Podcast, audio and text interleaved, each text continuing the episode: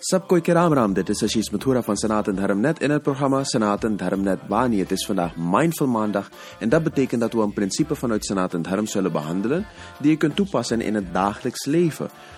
We hebben het al eh, een aantal weken over de niyams uit de Yoga Sutras. De Yoga Sutras zijn geschreven door Maharishi Patanjali en helpen je en om, om spiritueler te leven. Uit de Yoga Sutras heb je ook yoga gekregen zoals wij het nu kennen. Dus uh, uh, Hatha Yoga zoals je het nu kent of al die andere soorten yoga's die je nu kent.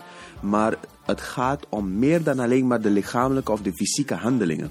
Het gaat om ook mentale en geestelijke oefeningen die je dagelijks doet. En daarom hebben we het vandaag over de niyams.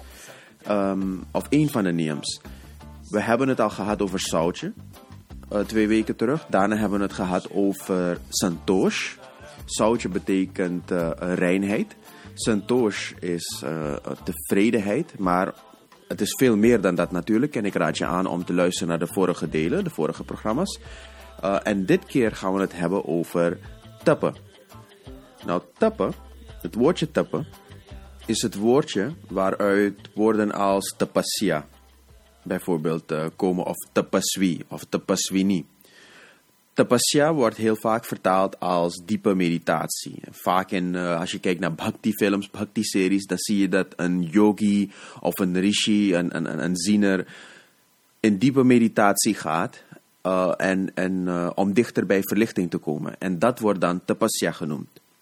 Tapa betekent hitte, het betekent vuur, het betekent energie, maar dan niet um, zoals wij bijvoorbeeld Agni of wat dan ook vertalen. Tapasya betekent innerlijke vuur, innerlijke energie. Dus het vuur dat je eigenlijk niet kan zien, het vuur waaruit, of de energie waaruit creatie is gekomen. Uh, energie waaruit de, de eerste yogis zijn ontstaan en verlichting dus hebben bereikt. Tapasya betekent datgene wat in ieder mens aanwezig is.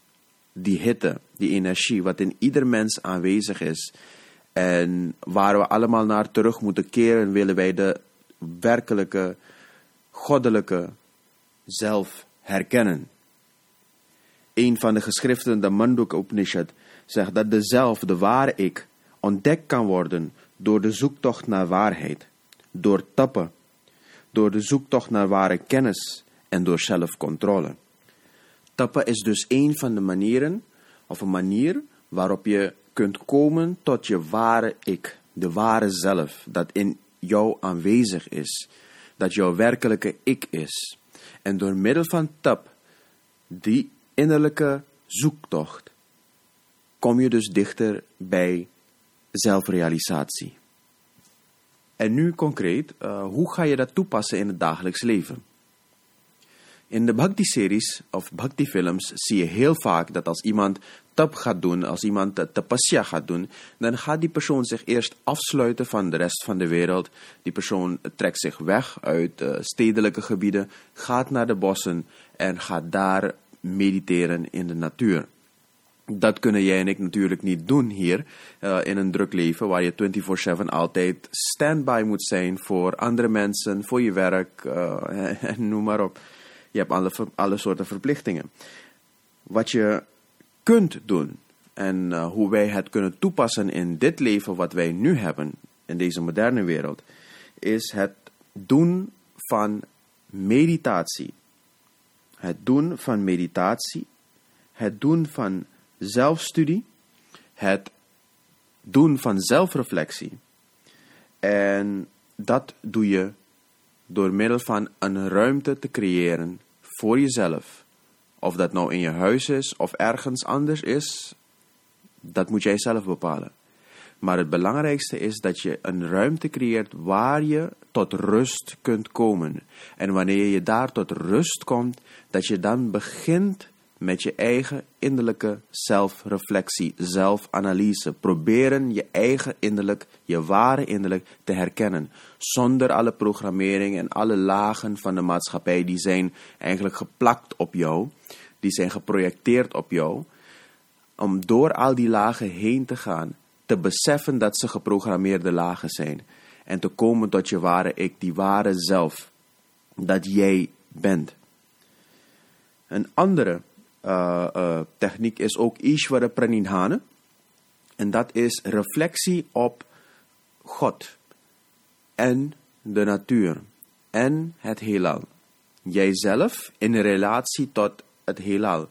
Jijzelf in relatie tot de natuur. Jijzelf in relatie tot het goddelijke.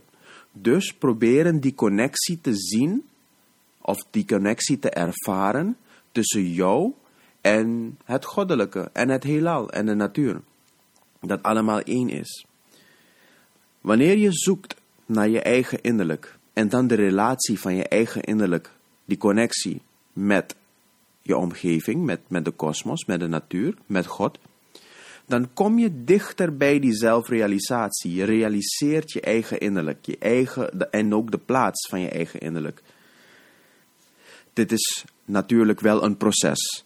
En dat betekent dat je dit alleen maar kunt um, uh, ervaren als je het ook toepast. Het is niet iets theoretisch dat je gewoon erover leest en dat je zegt van oké prima, ik heb het gelezen, ik heb het begrepen, ik heb het gehoord en uh, het is goed, ik heb het al tot me genomen. Nee, dit is iets dat je in de praktijk ook moet brengen. Dat betekent als mens zijnde, als spirituele zoeker zijnde, als Sanatan Dharmi zijnde, hoor je ook dit toe te passen in jouw dagelijks leven. Vandaar dat we het ook hebben erover in uh, dit programma.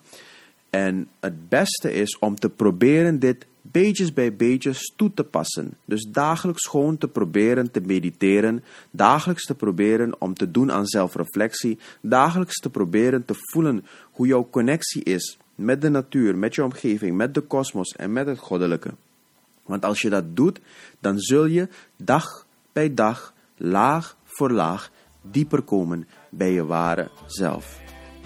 Dat is het voor deze week, of uh, deze Mindful Maandag. Vrijdag zijn we terug met Vragen Vrijdag, waar we interessante vragen die jullie hebben gestuurd naar ons zullen behandelen.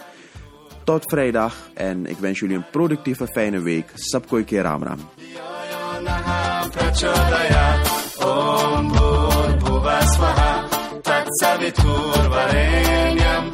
Ergo devasya dhimahi Diyo yo naha prachodayat Saraswati